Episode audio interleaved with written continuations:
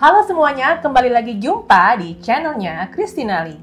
Kali ini aku lagi bersama Koko Andri Wongso. Oke, Koko Andri, thank you Hmm. banget buat waktunya ya. Nah, aku sebenarnya kan eh, dari kemarin ini banyak sekali interview para narasumber dan banyak juga yang sudah mendefinisikan makna sukses begini, sukses sukses tuh harus konsisten, harus kerja keras, harus berani memulai segala macam gitu kan. Nah, tapi tentunya banyak juga orang yang bilang, ah sukses itu kan tidak bisa diduplikasi, pasti karena ada faktor keberuntungan atau faktor hoki. Sementara yang aku tahu itu, Ko Andri sendiri dulu denger-dengar pernah diramalin sama ibaratnya ya orang yang bisa ngeramal gitu Ramal ya. lah ya. Kalau Ko Andri itu nggak akan bisa sukses. Waktu miskin-miskinnya ya. Mau Sinja nih, mau tahun baru Imlek, biasa orang itu ke peramal. Saya diajak mama ke kota Batu Malang. itu umur berapa? Ya belasan ya, Oke. di bawah 15. Untuk sekedar ngelamar aja, Ra- ramal, ramal. Ngeramal. Sio apa kamu? Sio kuda. Hmm, Menderita. Kurang ajar ya. Kurang ajar. Lahirnya pagi, siang, sore? Pagi. Tambah menderita. Nggak bisa sukses. Jadi, waktu pulang, itu ada ada pemberontakan gitu. Iyalah. Secara naru, naluri, nggak manusia itu ada dua macam. Kalau sekarang dikenal, saya ngerti bahwa itu ada subconscious. Masuk ke bawah sadar, saya nggak bisa sukses. Karena aku si kuda, lahir pagi, keluarga miskin, kurang sekolah, kurang sekolah, kelas 6 SD, nggak lulus, keluarga miskin, si kuda, itu bisa. Sampai masuk ke subconscious, dipercaya. Miskin Nggak beneran. berhasil, miskin ya. beneran. Nah saya waktu itu nggak percaya, ah nggak bisa, harus berubah. Nah saat itu kan saya nggak ngerti, ada ilmu kejiwaan, ada ilmu subconscious mind, ada ilmu NLP, nggak ngerti. Yang penting saya punya mental nggak percaya. Nah dari sini melewati tayangan kita ini, kita belajar. Pastikan untuk punya konsep seperti yang saya sudah alami. Success is my right. Sukses adalah hak saya, hak Anda, hak kita semua. Kita lahir miskin nggak masalah. Kita show apa pun nggak masalah. Agama apa pun nggak masalah. Keluarga kita miskin apa pun nggak masalah. Ya, tinggal di daerah kecil, cewek, cowok sama. Kita punya hak untuk berhasil. Nah ini yang saya kobarkan puluhan tahun. Banyak sekali pasti orang terpengaruh dengan kata-kata konsep filosofi Safa Ismail. Nah, mungkin Ko Andri bisa kilas balik deh cerita Ya, dari kecil. terutama mungkin saya ngomong soal eh, definisi tentang hoki. hoki, su- sukses, keberuntungan ya. buat saya pribadi itu loh, hoki, sial, sukses, berprestasi. Tolong dijawab. Kata-kata itu sebelum terjadi atau sesudah terjadi? Sesudah terjadi. Sesudah. Jadi kalau sebelum terjadi orang nggak tahu, oh hoki dia akan hoki nggak bisa. Jadi semua kata-kata hoki setelah terjadi. Oh Andi Wongso sukses, hoki dia enak aja. Tahu nggak di belakang sebelum ini hoki? Nggak tahu dia. Maka buat saya setelah saya analisa, pelajari semua tentang apa rahasia kehidupan. Hoki itu setelah terjadi. Tapi ada nggak kata-kata hoki ini? Ada. Mungkin bagi teman-teman yang yang spiritual, Mhm. bisa juga hoki itu dari Tuhan. Mhm. Bisa karma, ya. Dan berbagai macam istilah. Ada nggak? Ada. Tapi kita pribadi itu tidak bisa menggunakan yang disebut anugerah Tuhan, karma baik untuk digunakan saat ini dan terus terus terus menerus sukses. Hmm. Tidak bisa menggunakan itu. Jadi ini kata-kata ini hanya ucapan hoki. Ya, kita berterima kasih kepada Tuhan. Kalau bagi yang Buddhis mungkin ya terima, eh, apa ternyata karma baik saya berbuah. Tapi kalau di luar itu ada nggak hukumnya? Ada. Hukum sukses, ya. Jadi kita tidak mengesampingkan hukum Tuhan dan karma tadi. Itu berperan, tapi kita tidak mampu menggunakan akal pikiran kita untuk mengambil semua konsep tentang hoki dan kita ini usaha terus, tiap kali hoki terus. Nggak ada. Maka kita mempercayai adanya kekuatan ini, tapi tidak bisa diaplikasikan secara langsung. Nah, jadi biasanya gimana? Bisanya manusianya. Kalau manusia mengaku bertuhan, manusia mengaku apa punya peran dalam kehidupan, dialah yang bertanggung jawab atas kehidupannya. Sehingga sukses ini buat saya pribadi itu disengaja, bukan kebetulan. Disengaja berarti ada usaha, ada arah, ada target, ada planning, ya, ada keuletan, perjuangan sampai dia menghasilkan hasil akhir yang disebut sukses. Ada orang bilang karena dia hoki, terserah whatever. Saya percaya dua-duanya. Nah, contoh pribadi saya yang tadi ngomong soal uh, apa ramalan. Iya. Ya waktu saya dilahirkan dalam keluarga miskin. Satu rumah isi satu kamar isi lima orang. Kakak saya, koko saya, adik saya, saya pribadi. Itu pun kontrak. Seingat saya pada tahun 65, waktu saya umur 11 tahun, terjadi Gestapo PKI di Indonesia. Sekolahan di mana sekolahan Mandarin ditutup. Sejak saat itu tidak bisa sekolah lagi. Teman-teman saya pindah sekolah karena orang mama papanya punya uang. Saya sejak itu sama koko saya, adik saya berhenti. Masuklah ke Universitas Masyarakat. Fakultas Penderitaan. Fakultas Penderitaan. Kan menderita. Fakultas Kehidupan gitu. Iya. Nah, untung. Berarti SD-nya memang bener nggak Kelas 6 ya? tidak lulus. Ya, SD. Maka gelar saya Andri Wongso SDTT. Sekolah dasar tidak tamat. Koma. Selanjutnya kan kita berjuang. Iya. Belajar berjuang, belajar berjuang, berjuang, belajar, belajar berjuang, belajar. Eh, ternyata menghasilkan prestasi. Maka gelar ditambah. Andri Wongso SDTT TBS. Tapi sekolah dasar tidak tamat, tapi bisa sukses. Sukses, mantap. Waktu terus berjalan, masih koma. Lah kalau bisa sukses, kalau sekarang nggak sukses percuma. Maka gelar tambah lagi SSI, syukur sampai saat ini. ya, jadi dari sana beruntung saya punya orang tua yang apa ya punya konsep bahwa apa pun yang dihadapi dalam kehidupan tidak boleh ngeluh, tapi harus dihadapi. Cara ngajarkan orang tua pada anak-anaknya seperti saya ini, by example, contoh, kerja keras, ya luar biasa keras. Sampai suatu hari, mama pas kerja kan kita bantu, mau jual kue, pisang goreng, pohon Iya. goreng, kue koya. Mah kok lembur terus sih mah? Itu suara mama langsung muncul itu. Kalau kamu nggak kerja keras, nggak badok. Istilah badok itu kasar. Kalau kamu tidak berjuang keras, kamu nggak akan makan. Nah kata-kata itu eh, sebuah contoh bukan diajarkan oleh oleh eh, kepada orang tua itu mengeluh, minta-minta nggak ada. Dari sini kita punya mental untuk berjuang, ya berjuang. Nah, maka pernah suatu hari waktu jam 2 jam 3 malam beliau udah bangun tiap hari lagi numbuk singkong untuk dibuat geduk lindri ya karena kenapa pagi bikin? Karena jam jam 5 jam 6 nanti tukang rombong tukang gerobak akan datang ngambil barang ini tadi untuk dijual. Sore kembali store. Jadi pagi udah bikin. Suatu hari saya pas kepingin pipis melewati beliau. Habis pipis balik nawarkan diri. Ma dibantu ma. Nggak usah. Kamu tidur aja lagi. Malah suruh tidur anaknya.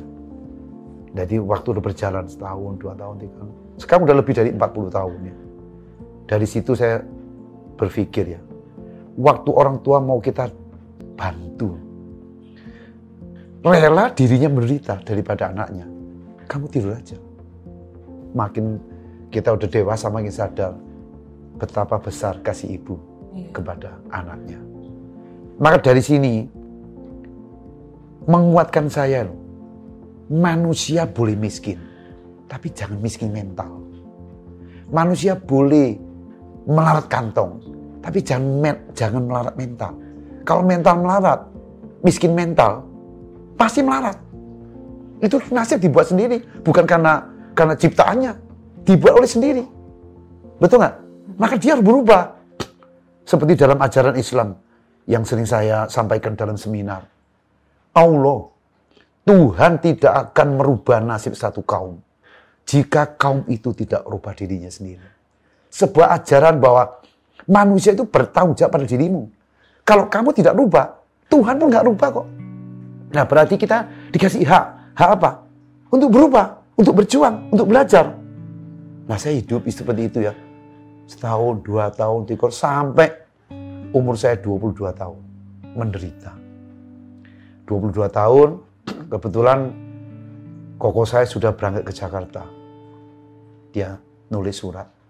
Andri, berangkat ke Jakarta roba nasib saya juga ingin merubah. Maka tahun 76, umur saya 22 tahun, saya berangkat ke Jakarta. Diantar dalam bis mama saya ngasih kopi satu botol, makanan dalam perjalanan, baju dijahit sendiri sambil ngomong, jangan takut ngadep ke depan. Jujur, berani dan jujur. Itu titipan mama baik sambil nangis. Mungkin dia pikir pun anakku paling ganteng mau berangkat. Begitu turun, bis jalan. Bis jalan saya buka suratnya. Dari koko saya, Andri, berangkat ke Jakarta. Rubah nasib. Yang dirubah bagaimana? Sekolahmu cuma SD nggak lulus, pengalaman apa pun nggak ada. Apa yang dirubah? Jalan, netes air mata seumur saya 22 tahun belum pernah koko saya, adik saya, saya, mama, papa makan di restoran besar sekali aja. Tidak pernah. Restoran tanggung tidak pernah. Restoran kecil tidak pernah. Restoran makan di pinggir jalan rame-rame berlima jalan-jalan. Belum pernah selama itu. Tur luar negeri. Tur dalam negeri. Tur dalam kota. Tidak pernah ulang tahun, nyanyi-nyanyi happy birthday, tiup lilinnya. Yang ada bangun tidur, ulang tahun, pasti mama bikin dua telur merah. Telurnya masih dipotong. Separuh kasih koko saya, separuh kasih adik saya. Satu telur ulang tahun. Luar biasa. Maka kadang di seminar itu bisa juga orang mikir, apa ya toh mesti kayak begini. Saya selalu menggunakan nama Tuhan. Kalau saya bohong, miskinkan saya. Kalau saya bohong seperti sekarang, kalau ada 0,01 persen bohong, dimiskinkan. Bukan hanya untuk koruptor dimiskinkan. Ini bohong dimiskinkan. Tapi kalau saya benar, ya Tuhan juga sama. Dikayakan lagi 10 kali. Balik lagi sekarang. Cerita dari apa tadi dari naik bis sampai Jakarta. Kerja saya sebagai salesman sabun dari kota kecil ke, eh, dari kota Jakarta ke Bogor, Serang, muter-muter selama dua tahun. Tahun 76 ya. 76 itu saya sudah buka perguruan kungfu. Iya. Ngajar anak-anak. Ya, tetangga, teman-teman gitulah. Itu belajar kungfunya di mana? Di Malang. Dari kecil ya waktu itu? Dari kecil. Jadi konsep saya memang latihan saya memang keras latihan latihan apa? Latihan kungfu. Dan setelah dua tahun kemudian tahun 78 banyak film Hong Kong masuk Indonesia. Terpengaruh saya. Kepingin jadi bintang film. Nah waktu itu saking yakin bisa jadi bintang film, maka berhentilah. Saya minta berhenti uh, kerja, masuk kepingin ngelamar jadi bintang film. Jadi perguruan tadi ditutup? Tetap. Oh, tetap. tetap. Jadi bayangin seminggu, dua minggu, tiga minggu paling sudah dapat dapat jadi bintang film lah. Ternyata enggak Seminggu, dua minggu, sebulan, dua bulan, tiga bulan nggak ada film. Nggak ada bintang film. Yang ada bintang tujuh. Pusing. Dari sana, Koko ngamuk. Kamu tuh pindah Jakarta itu rubah nasib. Kerja. Bukan jadi bintang film. Sekarang gagal. Kerja lagi. Kerja di Pasar Kenari Jakarta. Salemba. Kerja sebagai pelayan toko. Hari pertama kaget saya. Pelayan toko, alat listrik, kabel-kabel listrik yang gede-gede. Mhm. Hari pertama membantu melayani.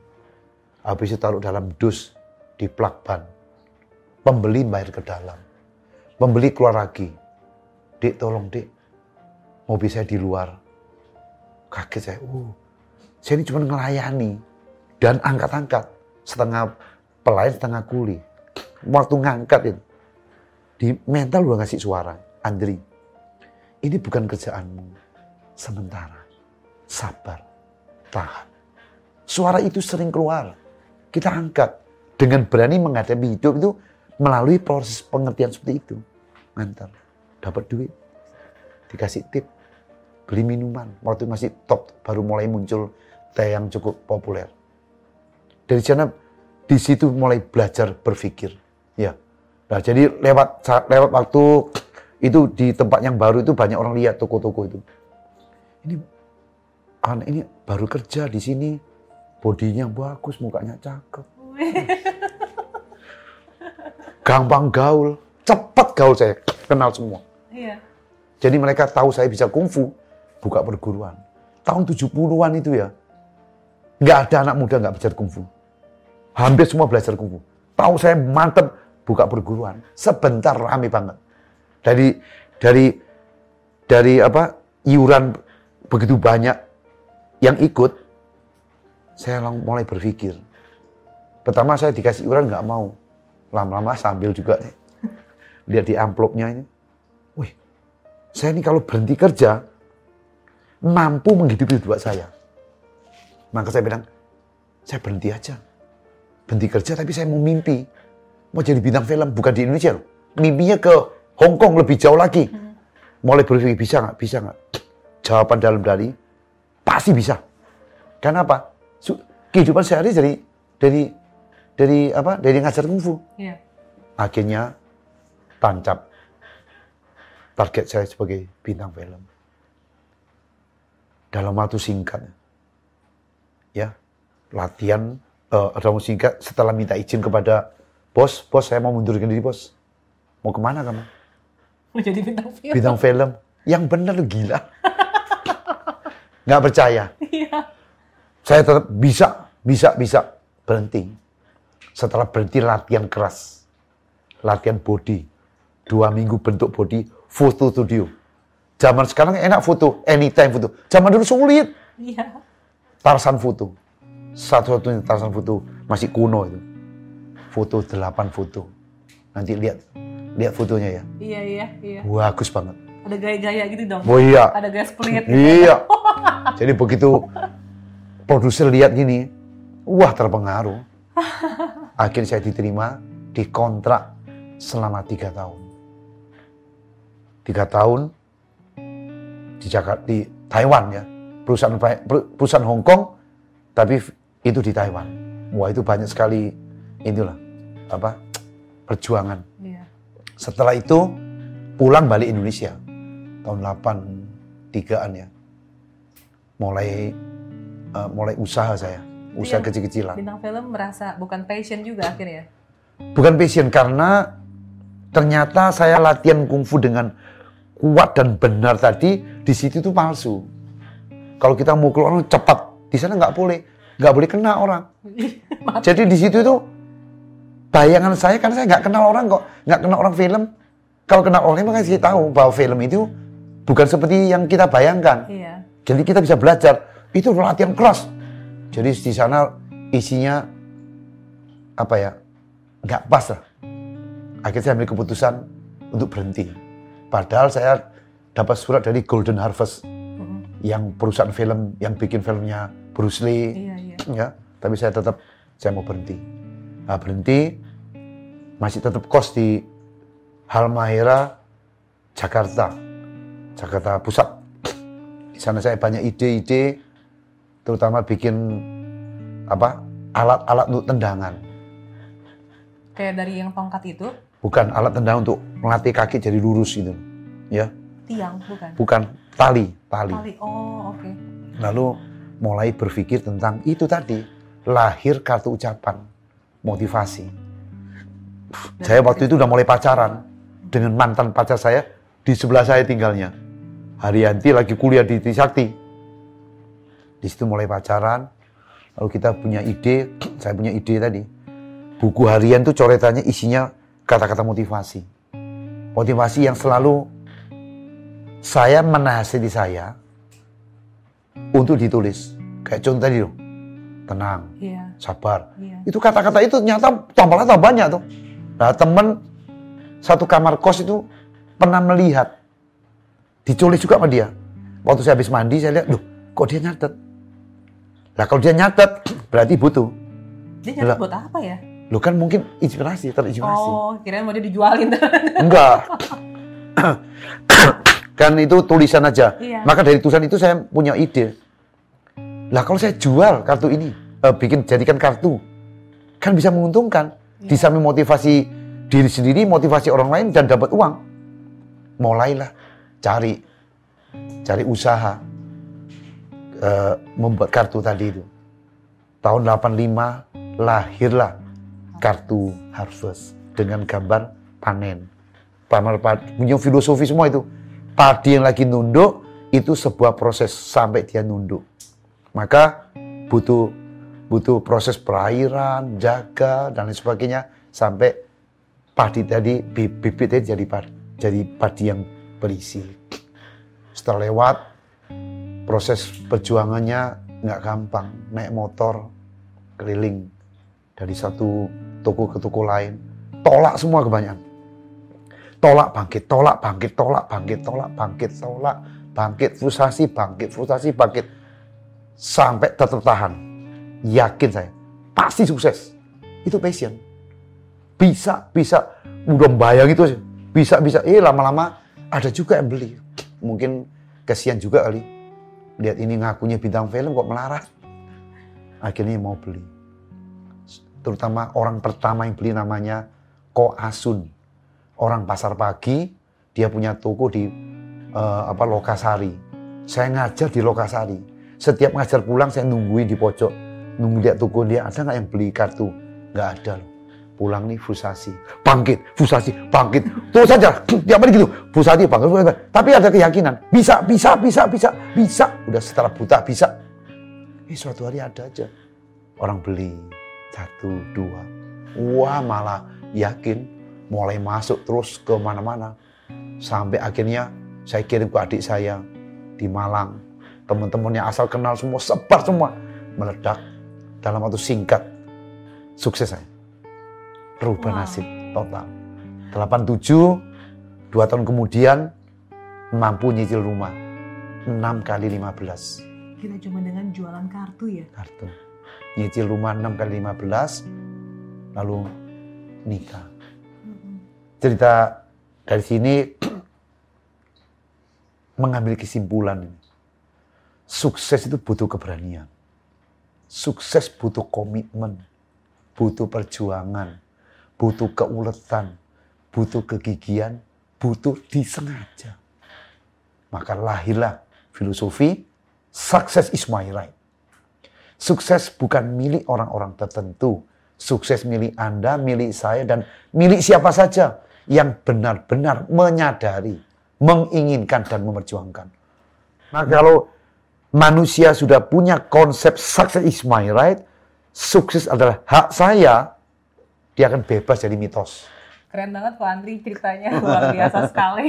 Ya, apa adanya itu. Iya ya. Kok Andri kan tadi ada ngomongin juga eh, karena Kok Andri sekarang juga sudah sukses ya. Hmm. Eh, akhirnya juga Kok Andri jadi bisa menyekolahkan anak hingga ke luar negeri, hingga pokoknya yang memberikan yang terbaik. Nah, tapi di zaman sekarang ini di ge- generasi milenial sebenarnya tuh ada suatu kayak menjadi apa ya? Ibaratnya banyak kan orang tua yang dulunya susah, akhirnya anaknya tuh dimanja, diberikan kesempatan yang terbaik, sehingga anak itu jiwa struggle-nya, jiwa berjuangnya justru malah kurang atau mungkin tidak meng, apa namanya?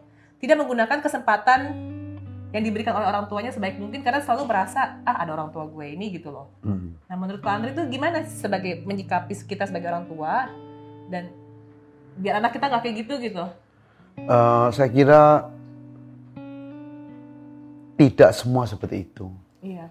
Jadi memang zaman sekarang ini serba instan, cepat. memang mempengaruhi mental anak itu jadi getas. Jadi apa? Getas. Getas. Mudah mudah teropos, Iya. eh, kurang keuletan, cepat pindah. Hmm. Cepat pindah. Itu memang eh, apa yang ada aktualnya seperti itu kehidupan. Kalau saya pribadi, karena anak-anak ini sering ikut seminar, sering kita ngobrol. Saya rasa anak-anak masih punya mental untuk apa bertahan dan berjuang seperti apa yang dia eh, mau. Contoh yang paling kecil mama, dia bilang nggak butuh uang modal dari papa. Oh, iya. Aku mau berjuang sehingga akan sukses. Yang kedua juga, ketiga juga gitu. Jadi mereka ini untuk ukuran saya belum sukses, tapi sudah punya mental kemandirian dan tidak mau menggantungkan, apalagi nunggu orang tuanya, nunggu sesuatu yang aku dapat apa, nggak ada. Berarti setiap anak ini tanggung jawab orang tua untuk mendidik mereka supaya dia itu punya mental mandiri, siap menghadapi apa pun di depan dengan apa yang dia dia sebagai anak yang bertanggung jawab. Nah ini butuh pengulangan, butuh penyadar, menyadarkan mereka supaya punya sikap seperti itu. Jadi kembali kepada dua orang tua. Saya dengan apa mamanya anak-anak ya Ibu Leni itu sudah terbiasa dari dulu. Saya sudah sudah tanang canangkan. Jangan menggantungkan kehidupan pada orang lain termasuk keluarga orang tuamu. Walaupun kita di luar itu ya kita cari buat siapa? Ya buat anak. Iya. sisanya ya buat anak. Nanti buat siapa? Ya buat anak. Iya. Tapi kalau anaknya mengerti bahwa itu bukan punyaku. Kalau aku di umpama nanti itu ada bagian buat dia, itu adalah mereka mendapatkan hak itu. Tapi dia nggak punya, nggak menggantungkan, sehingga mereka bisa berusaha sendiri seperti sekarang. Itu gimana ya Pak Andri bisa mendidik anak sampai kayak begitu ya? Bangga loh kalau punya anak kayak gitu. Iya, saya kira ya itu loh dari kecil kalau saya seminar kita ngobrol ikut sharing kasih kan lama-lama kan dia tahu loh lah bapak gue luar biasa masa aku nggak nggak ikut-ikut sih Iya, iya. ya jadi kita bukan bicara sekarang bukan bicara sukses bicara mental lah tujuan kita orang tua harusnya seperti ini anak itu dikasih pengertian bahwa dia bertanggung jawab atas kehidupannya Iya. kita orang tua bertanggung jawab pada anak Sekarang kalau misalnya dari Ko Andri sendiri, em, kan pasti banyak yang nonton yang karyawan juga, yang gajinya mungkin masih antara 2 sampai 3 juta. Hmm.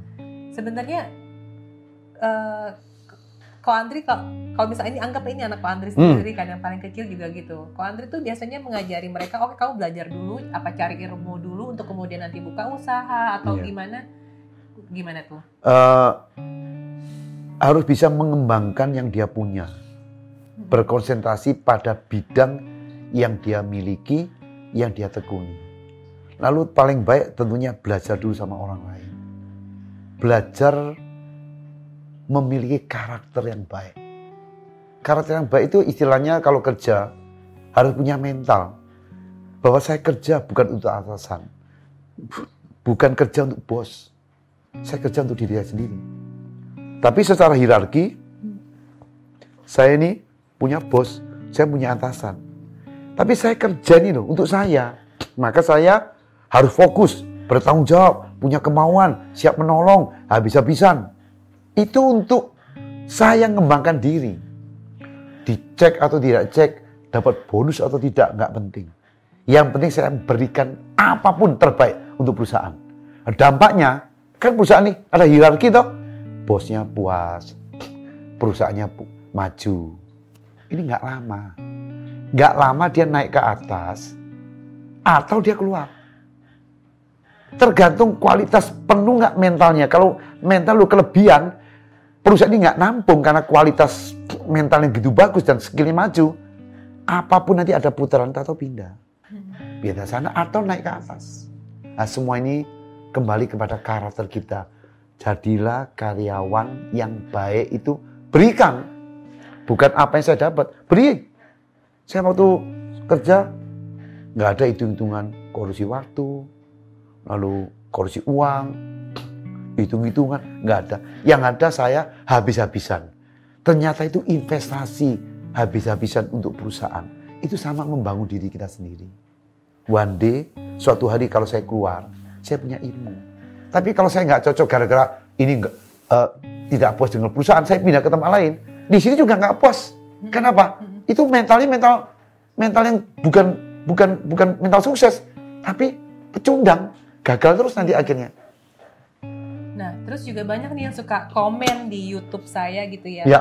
Um, ya tapi kalau saya sudah kerja keras, sudah begini, sudah begitu, sudah bahkan banyak sedekah juga, tapi nasib saya kenapa masih gitu-gitu aja? Apa sih yang salah gitu loh? Mm. Uh, saya kira kayak begitu itu per, pertanya, uh, pertanyaan normal. Iya. Dan harus tahu di kehidupan ini tidak sepotong. Sepotong ini loh. Kalau saya cerita hidup saya yang tadi dari umur 11 sampai umur 22, waktu dia umur 21, ya, Iya. dua-dua ya, 21 aja. Kok saya begini aja hidup saya? Saya udah jadi orang baik, berusaha kok masih sama aja. Itu in progress. Di dalam kema di dalam waktu maju kita nggak tahu. Contoh paling konkret presiden kita pernah nggak terima terima apa foto Pak Jokowi duduk salah jepit di dalam grup anak teman-teman sekolah di bis salah jepitan. Iya, heeh. Lalu pertanyaan saya, waktu beliau di situ tuh, pernah mikir nggak jadi presiden? Nggak ada. Tapi kualitas yang ditumbuhkan setiap hari, setelah mental bagus akan narik hawa baru. Jadi kalau teman-teman yang baca, eh, yang mbak apa komen di YouTube seperti itu, boleh nggak? Boleh. Jangan terusin. Jangan berpikir negatif terus. Karena di depan itu masih ada harapan. Iya. ya di depan tidak ter, terbentang kesempatan sosial luar biasa. Tapi kalau kita tidak punya modal, tidak punya modal keuletan, tidak punya modal kreativitas, tidak punya modal karakter yang baik untuk bergaul, tidak punya modal untuk berjuang, ulet nahan mental, ya nanti nasibnya kurang baik. Berarti Anda menentukan nasib sendiri. Hoki Anda Anda tutup sendiri. Ya, sukses Anda tutup sendiri. Iya. Maka saran saya buka pikiran, padatkan hidup kita. Berikan terbaik untuk perusahaan. Untuk yang Anda Anda kerja, kasih yang terbaik. Sambil belajar. Sekarang pembelajaran lain. Saya punya buku, ribuan buku di rumah. Sekarang nggak usah buku deh. Buka YouTube, apa saja. Belajar. Oh saya mau belajar tentang motivasi. Apa itu keuletan? Ada klik keluar. Kepercayaan Betul, keluar. Toko-toko, sukses, apa saja ada semua. Itu dari situ bisa Iya. belajar semua. Ringkas, zaman dulu beda. Ke toko buku, beli dulu. Sekarang nggak usah belajar semua. Maka padatkan. Il, belajar yang baik, praktekkan yang baik, niscaya. Tahu-tahu prosesnya akan mengalami kemajuan. Ngomongin teknologi ya. Di zaman ko Andri dulu kan handphone belum pada canggih ya. Iya. Itu maintain bisa memelihara network di zaman dulu sampai sekarang itu gimana? Eh, ya tadi itu loh, saya pikir jadilah teman bagi orang lain. Bukan jadikan orang sebagai teman. Dibalik ini, maksudnya, lu kalau nggak baik, aku yang nggak baik. You baik, aku baru baik. Salah. Kita ini inisiatif. Menjadi manusia yang lentur, yang baik, membantu, informasi, apa saja, melancarkan orang lain. Kita akan dilancarkan. Lah, cara gaul yang saya alami seperti selama ini, sana kemari, sana kemari, dengan baik, itu pertumbuhannya bagus. Apalagi setelah menjadi motivator, ya, kenalannya se-Indonesia saya. iya makanya. Ngomong-ngomong juga banyak nih yang kenal ko Andri Iya. itu Hmm. fokusnya di motivator kan, motivasi. Kenapa sih ini kenapa sih nggak fokus ke entrepreneur kan kesannya lebih banyak duitnya katanya kalau jadi pengusaha gitu loh. Iya, mungkin ada beberapa teman-teman ini yang salah konsep, salah ngerti. Iya. Saya ini mau, saya ini pengusaha, Yang harvest itu kan? harvest, Iya. ya kartu ucapan harvest. Lalu saya buka perusahaan MLM Hmm, tahun 92 sama orang Malaysia. Lalu 98 terjadi gejolak politik, yang kerusuhan Mei itu ya. collab, berubah. Waktu berubah nih loh, saya ini diundang sebagai motivator. klien saya pertama itu Bina Nusantara. Binus? Waktu belum jadi Universitas Bina Nusantara, masih STEMIC. Oh, Binus. Itu masih Ibu Widya pertama iya, kali. Ibu Widya. Jadi habis seminar motivasi sharing. Sharing spirit ini loh. Iya. Spirit saya di dalam perjuang itu spirit. Tapi itu itu motivasi. Nah, saya mendapatkan fee. Jadi saya bukan cari duit sebagai motivator. Sebagai motivator dapat duit terbalik loh. Iya. Mau saya nggak pernah jualan, tidak pernah satu surat saya kirim ke perusahaan. Ini loh Andi Wongso, wah begini begitu. Nggak pernah sampai selama itu. Satu lembar nggak pernah. Yang ada saya diundang. Jadi saya ini sebagai motivator itu dorongan, Istilahnya. kelebihan lumernya mental ya, lumernya narik. Akhirnya sudah undangan demi undangan. Sampai saat tahun tahun top-topnya 2009, 2010, 11 itu bisa 200 kali itu motivasi setahun setahun. Luar biasa. Jadi Inspirator sebenarnya. Iya, Iya. iya. Jadi bukan bukan saya memilih mau jadi motivator. Keadaan narik saya untuk jadi motivator. Maka sekarang udah begitu melewati semuanya. Jadi saya disebut motivator number. Motivator itu pendorong. Ya, sekali lagi saya bukan cari duit di motivator, tapi motivator mendapatkan duit di undangan. Karena bisnis country juga banyak kan. Iya, Mulai dari eh, pernah bisnis food court juga ya. Ya, Perusahaan food court, mainan. mainan, lalu masih ada mainan. Masih ada ya. Lalu ya harvest, Harvest. lalu kompro, Kompro ya dan kompro ya AW, IT ya iya. untuk untuk apa ini Bikin biografi, aplikasi, aplikasi. lalu AW AW multivitamin. ABG, Apa AW? AW Andri Wongso eh, Abagus Brain Gym melatih anak-anak Oh yang brand, brand gym juga. Saya, ya. Melatih anak-anak umur 5 sampai 12 tahun punya mental. Karena zaman sekarang tidak sekedar pinter dan baik itu buat saya standar sekarang. Wah, anak saya pinter, baik, standar. Punya nggak karakter baik? Motivasi tinggi, ulet, berjuang, itu penting. Maka yang AW brand gym Iya. pelatihannya di mana kok? eh, ada pelatihan di Serpong. Offline, offline. Nggak datang. Datang. Jadi yang lat- latih hitung-hitungan iya. ah, bagus tanpa tahu. tanpa alat yang umur 5 sampai Iya. umur 12 tahun. Jadi anak dididik cerdas, pinter, karakter baik. Karakter, paling penting karakter baik. Nah, sekarang dalam perjalanan Ko Andri sebagai entrepreneur, uh, ada nggak sih kejadian yang paling menantang gitu yang Ko Andri sendiri juga kayaknya udah nggak bisa lupakan gitu, yang bikin Ko Andri takut gitu, ada nggak? Karena sudah mateng ya. Udah Mateng mental masuk gini loh. Kalau ada halangan, ada rintangan, ada kekurangan, ada kegagalan, pandangannya udah bukan gagal. Ini cuma proses kemajuan. Tapi buat saya selama hidup saya yang yang nggak pernah lupa adalah waktu saya ngelamar bintang film itu. Iya. Waktu diterima sebagai bintang film, dia bilang satu minggu lagi kamu saya telepon. Siapkan semuanya ya, paspor semua nanti kita kasih waktu Anda berangkat ke Taiwan. Siap main di Taiwan karena ini film kungfu. Wah seneng saya, kumpulin murid-murid saya. Murid-muridku yang tercinta, mulai bulan depan kalian tidak usah bayar iuran. Kenapa guru?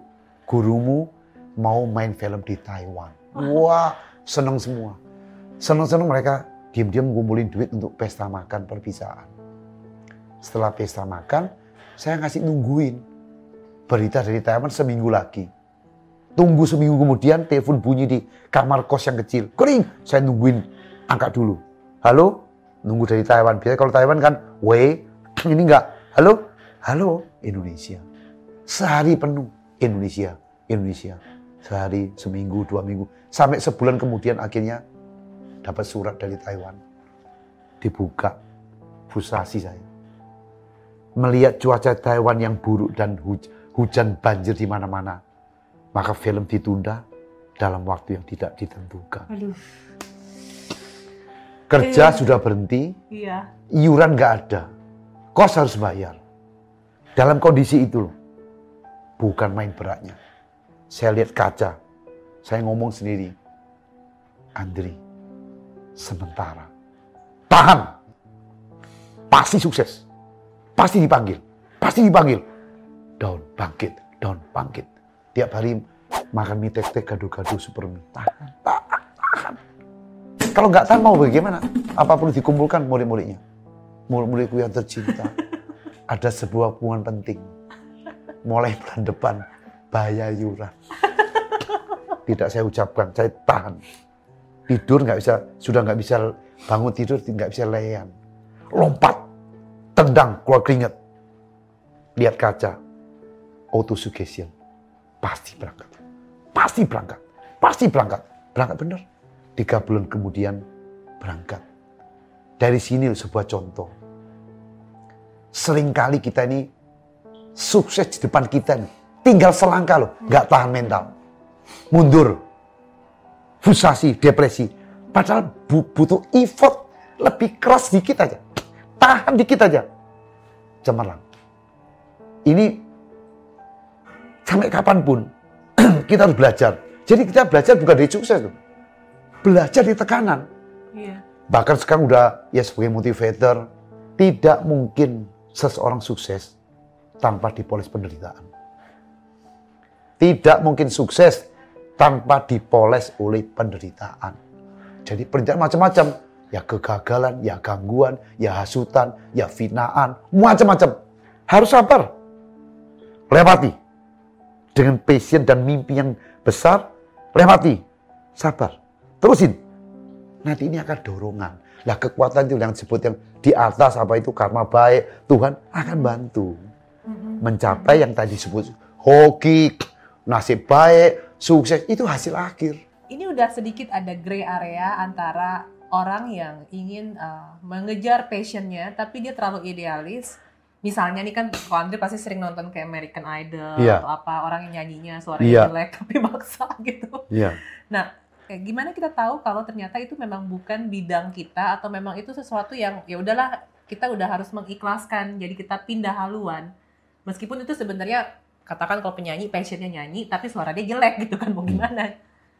Saya kira ini tidak ada satu konsep yang pasti. -hmm. Ada juga dulu American Idol pendek, jelek, tapi mengundang simpati. Toto jadi ya? ngetop, lah kan iya yang bisa ngetop. Si beng, si beng. Jadi ini itu lihat momentum. Manusia di, bisa dipengaruhi oleh emosi yang dari luar. Ya. Kalau buat saya, selagi muda, seribu kali gagal nggak masalah. Kecuali tua-tua jangan deh. Udah, udah nggak ada uh, model apa pun, keadaannya bahaya, akan merugi dalam segala hal. Jangan. Kalau masih muda, saran saya, nggak usah banyak perhitungan, jalan ya. Karena dari dari benturan-benturan tadi akan bisa menghasilkan. Kecuali udah jadi profesional, ditawarin A, B, C, D, itu butuh perhitungan. Kalau saya meleset, bagaimana? Kalau selagi masih muda lah, 20-an ini ya, udah. Apa pun yang Anda inginkan, jalan. Suatu hari pada saat Anda gagal, nggak apa-apa. Itu cuman apa itu uh, lembaran buat saya sendiri untuk maju. Bahkan kadang-kadang kegagalan tadi bisa lompat lebih tinggi karena dia belajar dulu aku salah. Lah, wisdom yang didapat dari kegagalan, kebodohan ataupun ketidaktahuan nilai tinggi karena tahu aku dulu salah. Itu pencerahan dia mau ke depan, dia belajar dari yang lama untuk menoleh ke belakang bahwa dulu saya pernah keliru. Ini matangnya mental jauh lebih tinggi daripada orang biasa di video-video sebelumnya beberapa narasumber juga ada yang bilang bahwa penting sekali untuk bersedekah, beramal, untuk apa ya, membuka pintu rejeki. Menurut Ko Andri itu bagaimana? Gak usah minta pintu rezeki dibuka. Kita berbuat baik itu yang karena mau berbuat baik, nggak ada ya. hubungan. Soal nanti itu terbuka nggak terbuka, ada rezeki atau tidak, nggak ada kaitan yang ada saya sebagai manusia berbuat kebaikan itu mutlak. Mutlak ya. Bukan karena rezeki saya, bukan karena supaya rezeki saya jalan. Nggak ada hubungan. Saya lahir sebagai manusia, apa yang manusia bertuhan, berbuat kebaikan itu adalah biasa. Jadi saya lakukan kebiasaan, ya udah berbuat baik aja. Kalau nanti hukumnya ada, terima kasih. Enggak, ya enggak apa-apa. Sehingga dari kita mulai lahir, mulai dewasa sampai terus selalu berusaha berbuat kebaikan supaya kalau bisa menolong banyak orang lain. Iya. Ya, nah ini merupakan satu tanggung jawab kita sebagai manusia. Ya syukur-syukur dari keburukan kita ini ada dampak yang luar biasa. Karena hukum Tuhan pasti, ya Betul. apa yang kita beri akan kita dapat kembali. Jadi sebenarnya konsepnya tuh bukan berharap kepada Iya. yang kita kasih. Tapi itu Tapi tanggung jawab kita Iya. sebagai manusia, kasih aja. Nah syukur kalau memang itu ada, Iya. adanya, ya pasti kembali kepada kita sendiri. Keren banget pokoknya. Jadi itulah yang sebenarnya bisa dibilang suatu konsep rejeki ya. Iya. Jangan menyandarkan harapan dari kebaikan yang kita lakukan, tapi sadarkan harapan kita tuh ke yang kuasa, ya nggak sih? Oke, next question. Nah, Ko Andri ini sempat menciptakan senam AW S3. Betul kan S3 ya? Betul, minum ya. Iya, nggak apa-apa. Nah, ini senamnya ini eh, ada korelasi katanya Ko Andri sempat sakit lutut. Ya, Terus katanya setelah, setelah senam itu dan mungkin ada pola makan juga, akhirnya jadi berangsur-angsur membaik lah. iya, Nah, bisa dijelasin nggak? Itu S3 itu apa sih? Dan AW itu Andri Wokso bukan? iya, iya. Iya. Jadi kira-kira kurun waktu 2000, tahun 2012 sampai 2015 lah. Ya, kurun waktu 2012 sampai 2014 tiga tahunan itu saya mengalami cedera lutut. Istilahnya kalau berdiri lama sakit, duduk begini aja loh. Ini cekok-cekok, Iya. Cenut-cenut sakit. Belum olahraga, saya hobi badminton sakit. Ke dokter. Lima dokter mengatakan bantalannya habis. Harus dioperasi. Cari alternatif ke Pineng, ke Singapura, MRI. Keluar fotonya. Tulangnya, tulang bantalannya habis. Harus ganti tempurung. Saya pikir, waduh gila. Dulu dari kecil miskin, ke dokter takut, lihat jarum takut, sekarang ganti tempurung. Terima kasih deh. Enggak. Lalu saya dulu orang kungfu, kaki bentangannya begitu kuat. Kok sekarang jadi begini kepikiran. Maka saya mikir, bagaimana caranya ya?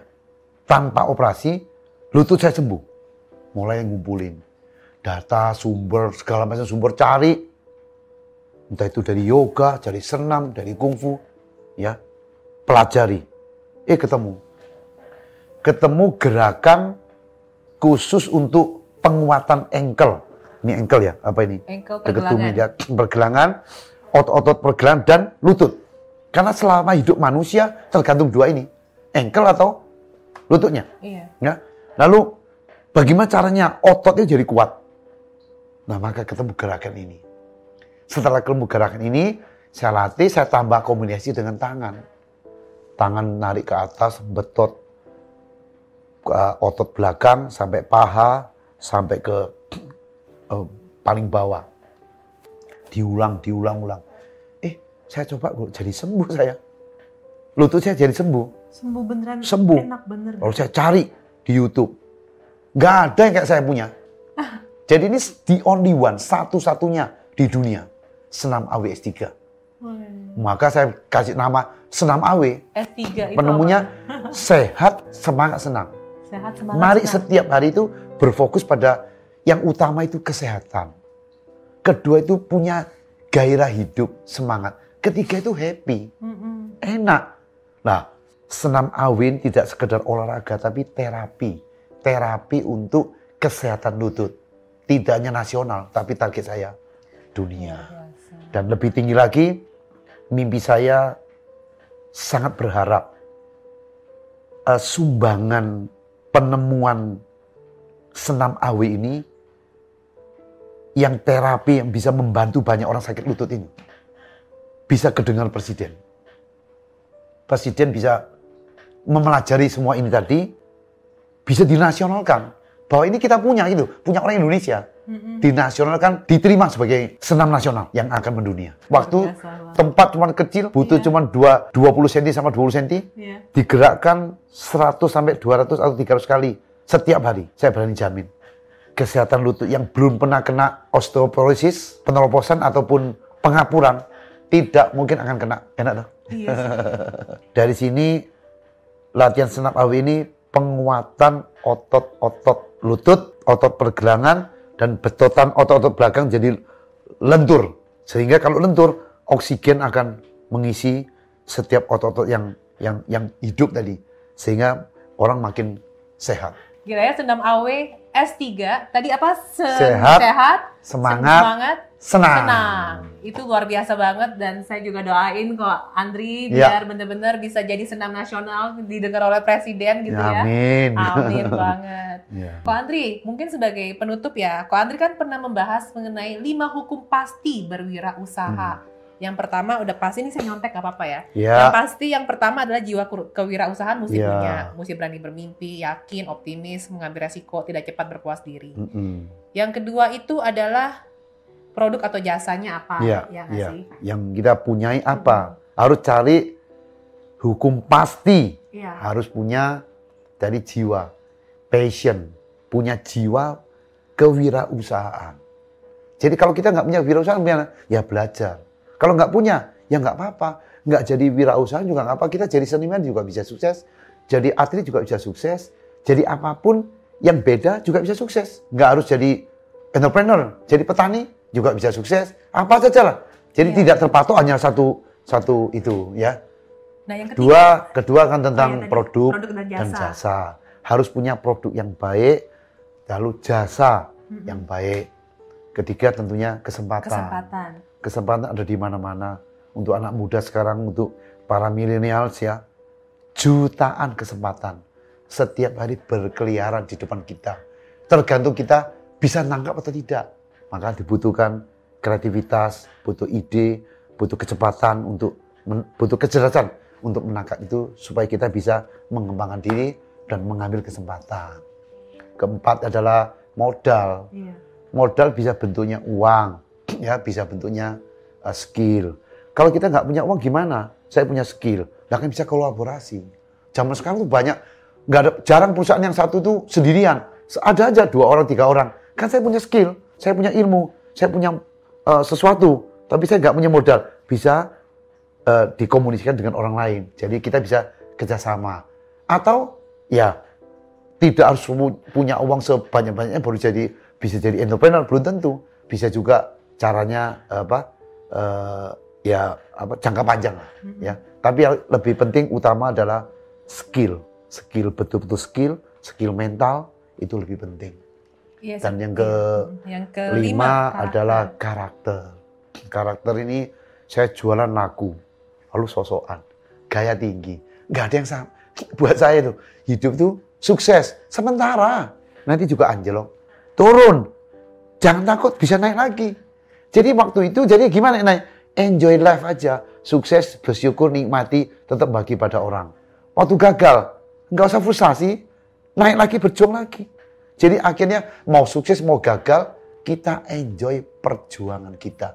Nikmati sehingga kita happy orang lain juga happy. Oke, jadi tadi udah dikasih tahu lima hukum pasti dari kewirausahaan. Sama seperti Ko Andri, tadi ada ngomongin modal, ada ngomongin skill. Ko Andri juga dulunya bukan dari keluarga yang mampu gitu Hmm, kan. hmm. Tapi Ko Andri itu punya skill kungfu. Akhirnya Hmm, bisa jadi bintang film bisa jadi bintang film, bahkan sebelumnya bisa bikin perguruan gitu Hmm, kan. iya iya iya. Ya sama aja, eh, tadi saya sempat ngobrol sama Ko Andri juga ibaratnya kalau bener-bener kalian ingin usaha yang butuh modal, bisa aja jadi kayak ngajarin anak TK atau jadi guru les privat itu juga bisa dapat loh, duit bisa iya. dapat duit. iya, iya. Intinya tuh kemauan kita gitu ya, kemauan Mm. dan yang pasti juga harus konsisten, pantang menyerah juga.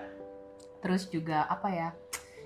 Ya banyak banyak apa ya? Banyak banyak sedekah juga, banyak berdoa, banyak beramal itu juga biar segala pintu rezeki itu dilancarin. Iya, Andri. iya betul Iya.